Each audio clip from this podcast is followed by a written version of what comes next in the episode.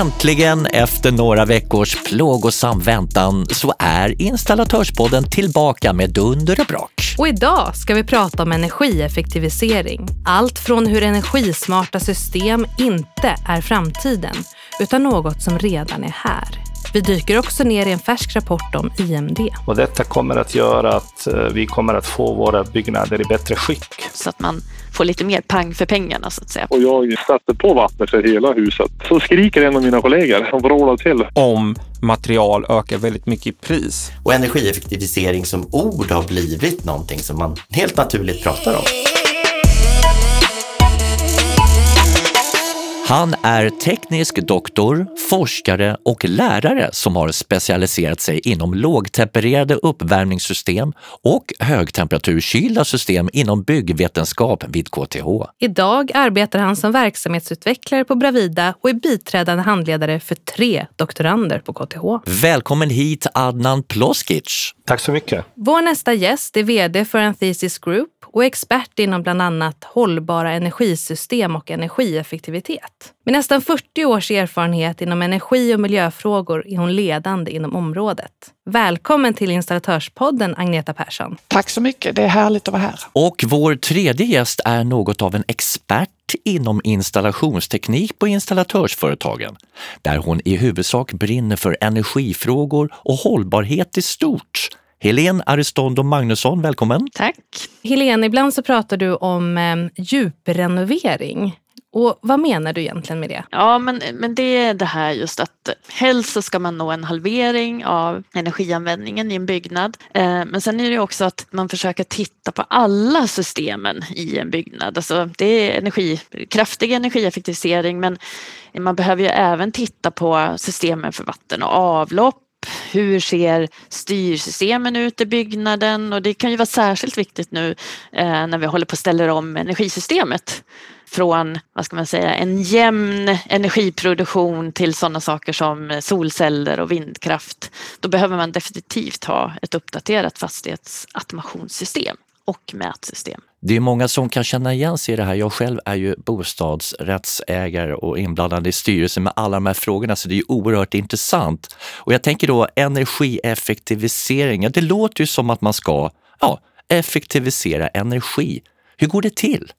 Det är framförallt fastighetsägaren som behöver titta på det här men om man utgår lite grann från vad installatörer skulle kunna göra i samband med att de är ute till exempel och gör inspektioner eller service så tänker jag att de kan eh, titta lite på sina delsystem och kartlägga hur stor är energianvändningen för det här systemet.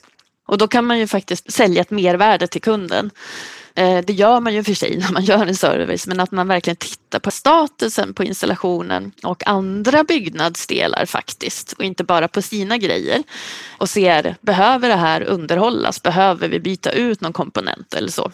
Och sen att man faktiskt tar fram en handlingsplan som man lägger fram till fastighetsägaren och säger att det här borde ni kunna göra någonting åt. Och sen kan man också passa på att eh, be om den senaste energideklarationen som fastighetsägaren har gjort. För där kan det finnas idéer på ja, men vad skulle vi kunna inom våra system kunna föreslå för åtgärder. Och sen också tänker jag att det är verkligen bra att passa på att hitta samarbete med kanske en byggare eller en energikonsult så att man får lite mer pang för pengarna så att säga. Eller fastighetsägaren får lite mer pang för pengarna. Och jag skulle vilja understryka det Helene säger att energideklarationerna är ett viktigt verktyg. De har inte riktigt blivit det verktyg som det var tänkt men där finns ju tankar om åtgärder som är rimliga, lämpliga och lönsamma för den fastighet som man bor och verkar i. Och det är naturligtvis så att, att de stora fastighetsägarna de har ju eh, en helt annan förutsättning att ta hand om det här men bostadsrättsföreningar har också möjligheter att utgå från sina energideklarationer och göra åtgärder. Är det många som underskattar just vikten av en uppdaterad och korrekt energideklaration då? Med anledning av det du sa nu Agneta? Ja det tror jag nog att det är och om man ser det mer som en, ett byråkratiskt dokument som man måste ha istället för en, ett strategiskt verktyg verktyg i arbetet och möjligheterna att, att förbättra både för sig själv som fastighetsägare och för de boende och för, för att de ska få en bättre inomhuskomfort och klimatet och för eh, klimatet som helhet. Så att det är faktiskt så att, att de kan användas i en mycket större utsträckning än vad man gör idag. När vi pratar om en renoveringsvåg, vad menar vi egentligen då? Det här begreppet kommer från EU. Man vill gärna liksom fördubbla renoveringstakten för man tycker inte att vid renovering att man gör tillräckligt mycket energieffektivisering eller resurseffektivisering. Ja, men det är EU som vill få medlemsstaterna att göra lite mer och dessutom som medlemsstat så är man tvungen att göra en renoveringsstrategi. Och Sverige har ju gjort en renoveringsstrategi där man konstaterar att 80 procent av allt befintligt bestånd är i ett stort behov av renovering. Plus att eh, närmare 60 procent har en ganska dålig energiprestanda. Ja, det ger ju affärsmöjligheter också för våra medlemmar, tänker jag. Och förbättringsmöjligheter för klimatet samtidigt. Ni har ju nyligen tagit fram en rapport kring IMD via SBUF. Men Helene, vad står egentligen IMD för? Det står för individuell mätning och debitering. Och det innebär att man sätter in mätare för till exempel varmvatten eller värme i enskilda lägenheter. Och istället för att det ingår i hyran så debiterar fastighetsägaren det här separat.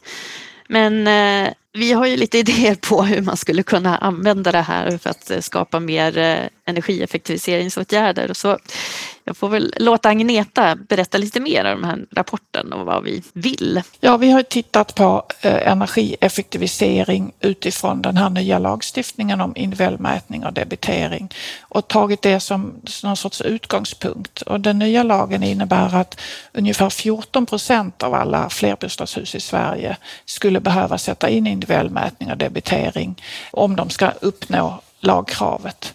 Men grejen är att den lönsamma potentialen är så mycket, mycket större än att gå till minimikravet. Så vi har tittat på här att göra åtgärdspaket där man kan kombinera individuell mätning med andra åtgärder också. Att skapa åtgärdspaket som installatörer och byggaktörer eh, kan göra tillsammans och erbjuda fastighetsägare och flerbostadshusägare, både när det gäller de som äger stora fastighetsbestånd och när det gäller de som har ett litet fastighetsbestånd som till exempel en bostadsrättsförening. Adnan, du har ju också varit en stor del av IMD-rapporten. Men hur tror du att vi kommer använda dagens, eller kanske nya mätmetoder i framtiden? Alltså jag tänker mest på energieffektivisering och energianvändning i våra byggnader. Alltså ju mer våra byggnader, ju mer de blir energisnåla, desto mer kommer vårt beteende att spela roll för vår energianvändning. Och för att vi ska kunna då få energieffektiva byggnader så måste vi kunna börja mäta på rumsnivå skulle jag vilja säga. Och eh, det kommer att hjälpa oss att få en kontroll över energiläckor, energiförluster, värmevandringar i byggnader. Och detta kommer att göra att eh, vi kommer att få våra byggnader i bättre skick. Så det är en försäkring inför framtiden kan man säga? Jo, det, det kan man säga. Och framför allt är att man kommer att hålla byggnader i det skick som man har lovat. Men jag har ju hört att du har en eh, tanke kring hur man kan applicera dagens pulsklockor till mätinstrument i byggnader. Hur, hur då? Jo, jag menar dagens pulsklockor kan mäta många, många parametrar som vi inte har kunnat eh, mäta tidigare. Och till exempel en sån pulsklocka skulle kunna mäta vår puls, vår hudtemperatur, lokal lufttemperatur och lokal relativ fuktighet. Och med den data så kan vi få en bild över den lokala termiska komforten, det vill säga den upplevda termiska komforten. Och eh, det i sig kan hjälpa oss att eh, förbättra våra klimatsystem som vi har på våra arbetsplatser. Och eh, flera rapporter har visat att vi är många gånger missnöjda med den upplevda termiska komforten på våra arbetsplatser. Och detta i sin tur kan sänka vår arbetsprestation. Så det finns en tanke bakom det, liksom att vi har en klocka som mäter då den lokala upplevda termiska komforten som sen kan användas för att eh, finjustera klimatsystem på ett sätt som vi inte kan göra idag. Jag tänker också på hur ser du på kopplingen mellan eh, installationsföretag, högskolor och samhällsutveckling ur ett energieffektiviseringsperspektiv? Jo, men det är väldigt viktigt att vi samarbetar. Installatörsföretagen har eh, en väldigt viktig roll att vara en form av brobyggare mellan branschen och, och, och högskolan. Det är väldigt viktigt liksom att vi utbildar våra studenter med rätt kunskaper så att de kan bidra till den nödvändiga omställningen som vi behöver om man tänker till exempel på den trenden som vi har idag, digitalisering. Så för det första så måste vi utveckla verktyg som kan hantera den enorma mängd data som kommer att produceras. Å andra sidan så måste vi ha personer som klarar av att analysera och förädla den med data. Så det handlar inte bara om att mäta. Mäta kan vi redan göra idag. Men vi måste få verktyg som kan då sortera den data som vi har mätt och sen måste vi få personer som kan analysera och presentera den data. Mm. Du eh, Agneta, jag tänker för att återgå till den här rapporten Stämmer att man genom att sätta in mätare kan mäta att energianvändningen verkligen har minskat? Är det så? Eh, det finns inget kort svar på den frågan. Det, det, det finns mätningar som visar att energianvändningen minskar vid eh, individuell mätning och debitering. Men det finns också mätningar som visar att den inte har minskat i den utsträckning som man har tänkt sig eller förväntat sig. Och det finns olika faktorer bakom det här. Men generellt så, så minskar energianvändningen om man har en, en rådighet över hur man använder sin energi. Sen kan det ju vara så att skillnaden vad man tjänar som hyresgäst på det här kan vara så liten att många kanske inte bryr sig om det därför att det handlar kanske om 50 kronor i månaden i skillnad och då är det många hyresgäster som tycker att nej men det spelar ju ingen roll. Men det finns också många hyresgäster där faktiskt 50 kronor i månaden har en stor betydelse. Individuell mätning och debitering är också ett sätt att få upp medvetenheten och att skapa förutsättningar att ändra beteenden. Och Många undersökningar visar att det är minst lika viktigt för hyresgästerna att se att jag kan påverka och minska min klimatpåverkan som att se att jag får några kronor lägre månadshyra. Nu har vi pratat om hyresgästen och fastighetsägaren. Men om vi skiftar fokus till entreprenören, vad kan installationsföretaget vinna på att tänka IMD-smart?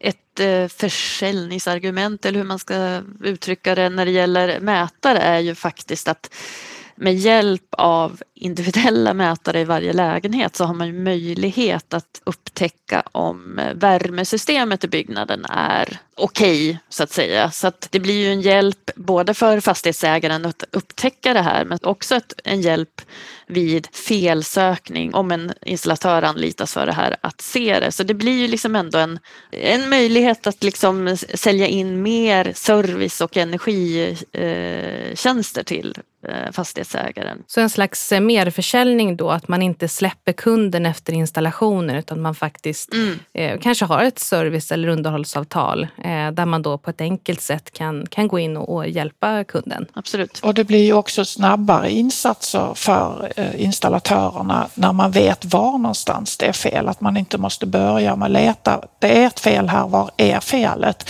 Med individuell mätning och debitering så vet man från början, okej, okay, felet är här i den här lägenheten eller i den här delen av systemet. Ja, det här är ju verkligen superintressant och vi skulle kunna prata om det här i timmar känner jag. Men om man eh, nu vill eh, veta mer och kanske läsa den här rapporten i detalj, var hittar man den då? Man kan hitta den på SPUFs hemsida och då letar man på individuell mätning och debitering eller åtgärdspaket. Men det går ju att hitta den här rapporten på installatörsföretagens hemsida ien.se också. Adnan, Agneta och Helen, tack så mycket för att ni tittade förbi. Med oss idag har vi även Hans Nyblom som är affärsutvecklare på Installatörsföretagen. Han har också varit med i projektet kring framtagandet av IMD-rapporten. Hej Hans! Halloj! Och Hans, jag vet att du har lite tankar kring just IMD, där du exempelvis vill särskilja IM från D. Hur tänker du då?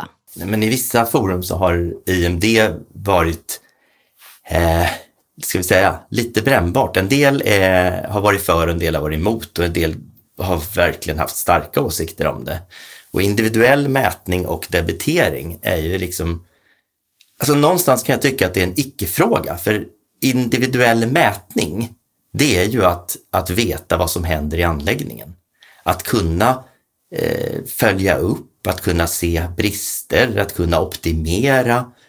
Sen om du debiterar eller inte, det lägger jag mig inte i, men att en modern anläggning måste man kunna mäta saker.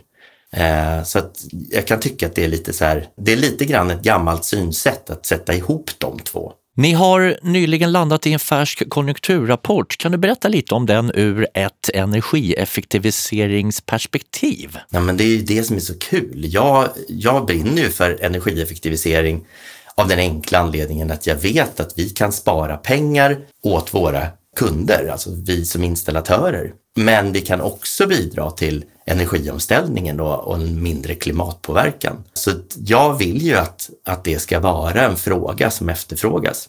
Och det har visat sig att det är det nu. Så att när vi gör intervjuer då inför de här konjunkturrapporterna eller marknadsläget som vi har döpt dem till nu då, så spontant så säger fastighetsägarna, vi skulle vilja att installatörerna erbjöd oss färdiga lösningar för just energieffektivisering. Och energieffektivisering som ord har blivit någonting som man helt naturligt pratar om. Hur ser du framför dig att man som installatör kan hjälpa fastighetsägaren? För det låter ju verkligen som att det är lite win-win, va? Men det är det. Alltså, man kan ju kalla det vad man vill, energirenovering eller bara optimera anläggningarna. Eller så får man byta ut vissa saker som faktiskt har blivit dåliga helt enkelt. De, de drar mer energi än vad de gör nytta. Och jag, alltså, det är också väldigt kul, för tittar man på som Vasakronan till exempel, de har sänkt sin energikonsumtion av köpt energi. För en del är ju så att de har satt solceller och sånt också. Men de har alltså sänkt sin energikonsumtion med 60 procent. Alltså det är ju inte, det är inget att leka med. Det är klart att vi kan klara av en energiomställning och ladda lite elbilar om det är så att vi kan sänka konsumtionen av el i fastigheter på den nivån. Men sen får man ju dessutom ett högre fastighetsvärde och bättre anläggningar på köpet. Ja, och energieffektivisering blir ju allt mer efterfrågat och är nu en viktig faktor i omställningen till ett klimatsmart samhälle. Och här kan vi ju se att installatören kan ha en direkt samhällspåverkan. Så hur ser du på installatörens roll? Jag tycker ju att man ska ha med sig det synsättet när man kommer ut till kunden. För att vi som installatörer, vi är ju inte vana att marknadsföra oss och sälja och så. Men att hjälpa våra kunder och att lösa kundens problem på plats, där vi inte har en aning om förutsättningarna innan vi kommer ut till kunden. Det är ju vardag för en installatör. Och att då ta med sig tankesättet att undra vad jag skulle kunna bidra mer med hos den här kunden. Ser jag att det verkar inte som att filtren byts på ventilationen eller man kan ana att det här är en 30-40 år gammal anläggning och förmodligen är cirkulationspumparna inte bytta. Nej, men byt dem då till en ny tryckreglerad. Ja, men då blir det också en helt annan energiåtgång. Men det kommer också vara en mycket mer driftsäker anläggning. Så sådana saker är liksom ett erbjudande till kunden där man vet att kunden både får bättre anläggning och en lägre kostnad. Så jag tycker man ska ta med sig det som ett, ja, men som ett litet mantra. Fundera på det varje dag när man kommer till jobbet. Liksom. Vad kan vi göra här då? Och om man är intresserad av att veta mer om marknadsläget, hur hittar man informationen då? ien.se, som vanligt. Så under eh, Aktuellt och rapporter så finns det en fördjupning och där finns både en, eh, en jättekort film som jag gjorde på bara en superenkel powerpoint som presenterar utifrån de olika teknikområdena. Men det finns också fördjupade rapporter och för dig som inloggad medlem så finns ju helheten där. 138 sidor matnyttigt. Men låt er icke avskräckas. Det finns som sagt kortversioner också beroende på vad du jobbar med. Många intressanta ord från dig Hans. Tack för att du var med. Tack själv.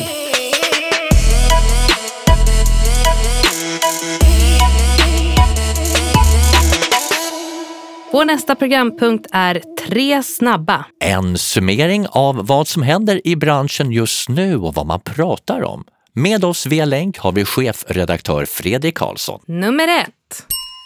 Vi vill ha schyssta prylar för matlagning. Inte minst en bra spis. induktionscell förstås, men hur många tänker på hur elsystemet ser ut i förhållande till den önskade spisen? Miljonprogrammets enfas pallar till exempel inte värsta spisen. Kanske krävs helt nya eldragningar för att en matlagningsintresserad kund ska få sin fina induktionscell på plats. Då blir det en betydligt dyrare spis för kunden än vad den välkammade säljaren i varuhuset förespeglade. Bra att den här frågan kommer upp på bordet tycker jag. Säljare av spisar måste ha koll på vad spisen kräver av elsystemet. Nummer två. Ont om plats i väggarna. Ett ämne som engagerar VVS-forums läsare. Ett 90-rör i en 95 mm vägg kan ju framstå som rimligt för någon. Men då undrar man om denne någon har varit på ett bygge på riktigt. För en 95 mm vägg innebär 70 mm stomme, resten är ju gips. Så hur ska man då få in 90 mm röret? Det här är bara ett exempel på hur det som ritas inte är genomförbart i praktiken. Saker måste lösas på plats. Det har skrivits rapporter och gjorts undersökningar där man konstaterar att det här kostar åtskilliga miljarder varje år. De flesta i branschen vittnar om att det inte blir bättre. Men det måste bli bättre. Nummer tre. Det har inträffat ett mord på VVS-museet i Bromma. Mordvapnet var en kloppa, ett gängverktyg. Fast inte på riktigt, som tur är. Detta är handlingen i kriminalromanen Och plötsligt blev du död. Den är skriven av branschkollegan Peter Olofsson, chefredaktör för Energi och miljö i samarbete med kriminalförfattaren Kjell E. Genberg. Vår nästa gäst är entreprenadjurist Viktor Sterner från installatörsföretagen som dagligen hanterar medlemmarnas problem. Det kan handla om vad man som företagare har för rättigheter på arbetsplatsen, äta, hinder, ångerrätt, AB, ABT, anbud, garantiansvar. Ja, listan kan göras lång. Och idag ska vi hantera det högaktuella ämnet materialpriser. Men vi börjar med att välkomna Viktor in i värmen. Hej på dig! Hej på er! Under våren har många av våra medlemsföretag råkat ut för stora prisökningar på material i sina entreprenader. Vad tror du, Viktor? Kan det vara en konsekvens av den pågående pandemin? Ja, det kan det absolut vara. Men eh, i nuläget så är det egentligen ingen som vet eller har ett klart svar på vad de här kostnadsökningarna som vi definitivt ser nu beror på. Det kan absolut ha en koppling till pandemin, men det är oklart exakt vad den kopplingen i så fall är och hur tydlig den är. Det skulle också kunna bero på andra faktorer som vi i dagsläget inte vet. Vad kan företagen göra om de råkar ut för det här i entreprenaden? Finns det något sätt att skydda sig då ja, företaget inte har kunnat förutse detta? Ja, det är så att om det är en kommersiell entreprenad, det vill säga där kunden, företagets kund, är ett annat företag, då finns det i de här standardavtalen AB och ABT en bestämmelse som tidigare egentligen aldrig har tillämpats eller aldrig har använts. Och där finns det en möjlighet att omförhandla det pris som man sedan tidigare egentligen har avtalat om för ens entreprenad om material ökar väldigt mycket i pris. Och då är det tre förutsättningar egentligen som måste vara uppfyllda. Det är att det ska vara fråga om en onormal kostnadsökning, det vill säga en kostnadsökning som verkligen är eh, sällsynt och liksom plötslig i någon mening. Det ska dessutom vara fråga om en kostnadsökning som inte var möjlig att, att förutse när man eh, ingick det här avtalet. Och dessutom så ska kostnadsökningen ha en väsentlig påverkan på kostnaden för den övriga entreprenaden i, i helhet. Så det innebär alltså att kostnadsökningen måste liksom ha en betydande påverkan, ställer i jämförelse med den eh, totala kostnaden för en entreprenad. Eh, så det är väldigt snävt tillämpningsområde. Så jag skulle säga att är man i en sån här situation så ta kontakt med oss så kan vi hjälpa till och ge rådgivning i de här fallen. Finns det någonting som man som företagare kan göra för att förhindra det här, att det händer längre fram? då? Ja, Det finns ett antal möjligheter att, att, att, förebygga att man hamnar i den här situationen om man nu står inför att, att ingå ett avtal eller sådär. De vanligaste och mest använda sätten är väl egentligen antingen att man försöker reglera sådana här prisförändringar genom att avtalet innehåller en indexklausul man kan också göra en reservation i avtalet och i det anbud man lämnar inför avtalet om att för det fall material ökar i pris på något visst sätt så ska det regleras i sin tur.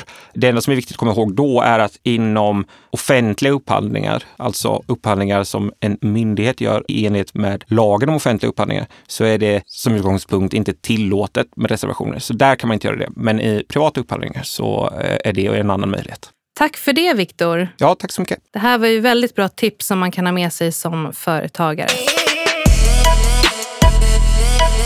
Ibland blir det inte riktigt som man har tänkt sig och genom den här programpunkten Oj, vad hände där? får du följa med när det höll på att gå riktigt illa. Vi har Emil Domej på Domeis Vatten och Värme i Örnsköldsvik. Det här är väl ungefär tio år sedan. Där vi var på ett stambyte på dåvarande firman och vi hade bytt inkommande vatten i källaren. En ganska grov ledning i huset som är någonstans runt 30-35 meter lång. Och källaren är uppdelad i två olika etager och lite förskjutet så man ser inte genom hela källaren mitt på håll i den här källaren så har de då separerat liksom entré A och entré B i förhållande till varandra så man inte kan gå genom, ja, i förråden till varandra om man inte har i A eller B att göra. Och där har vi bytt hela vattensystemet för inkommande kallvatten där och det är ganska grovt. Och när vi är klar så ska vi, jag och så mina två kollegor som var med, ska ju sätta det här i drift. Och det som händer är att jag står och håller handen på ventilen som öppnar och stänger. Och så har vi en kollega som är på andra sidan huset längst bort i trapphus B. Och så har vi då en kollega som står där mitt och håller innanför den här där de har skärmat av och stängslat av så man inte kan gå emellan. Och så ropar vi till varandra. Är vi klara? Jajamän, alla står klara. Och jag sätter på vattnet för hela huset eh, samtidigt.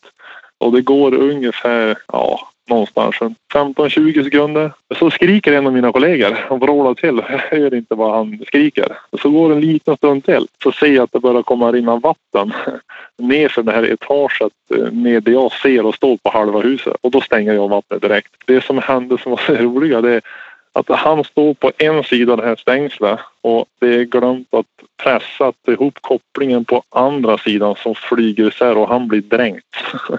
Med 100 liter vatten kanske, 150 liter vatten sprutar rätt över han och han kan inte hesa någon annanstans än det står där han står. Ja, det går inte alltid som man har tänkt sig. Och det gäller även Johan Liljekvist på Lillens El. Ja, det var en av installationsteknikerna skulle åka upp till eh, en ort i Norrland och plocka ner, vi säger exempelvis att det var Handelsbanken, plocka ner ett system där för de skulle lägga ner. Men det visar sig att på den här gatan så finns det två Handelsbanken. Så han går in på fel, plockar ner systemet och eh, åker hem. Och eh, servicechefen kontaktar honom och bara, åkte du inte dit och gjorde jobbet? Jo, jag plockade ner systemet. Ja, men du har inte varit där. Sen ringer nästa handelsbank och beställer ett nytt kösystem, för det behöver de, för de har ju inget. Ja.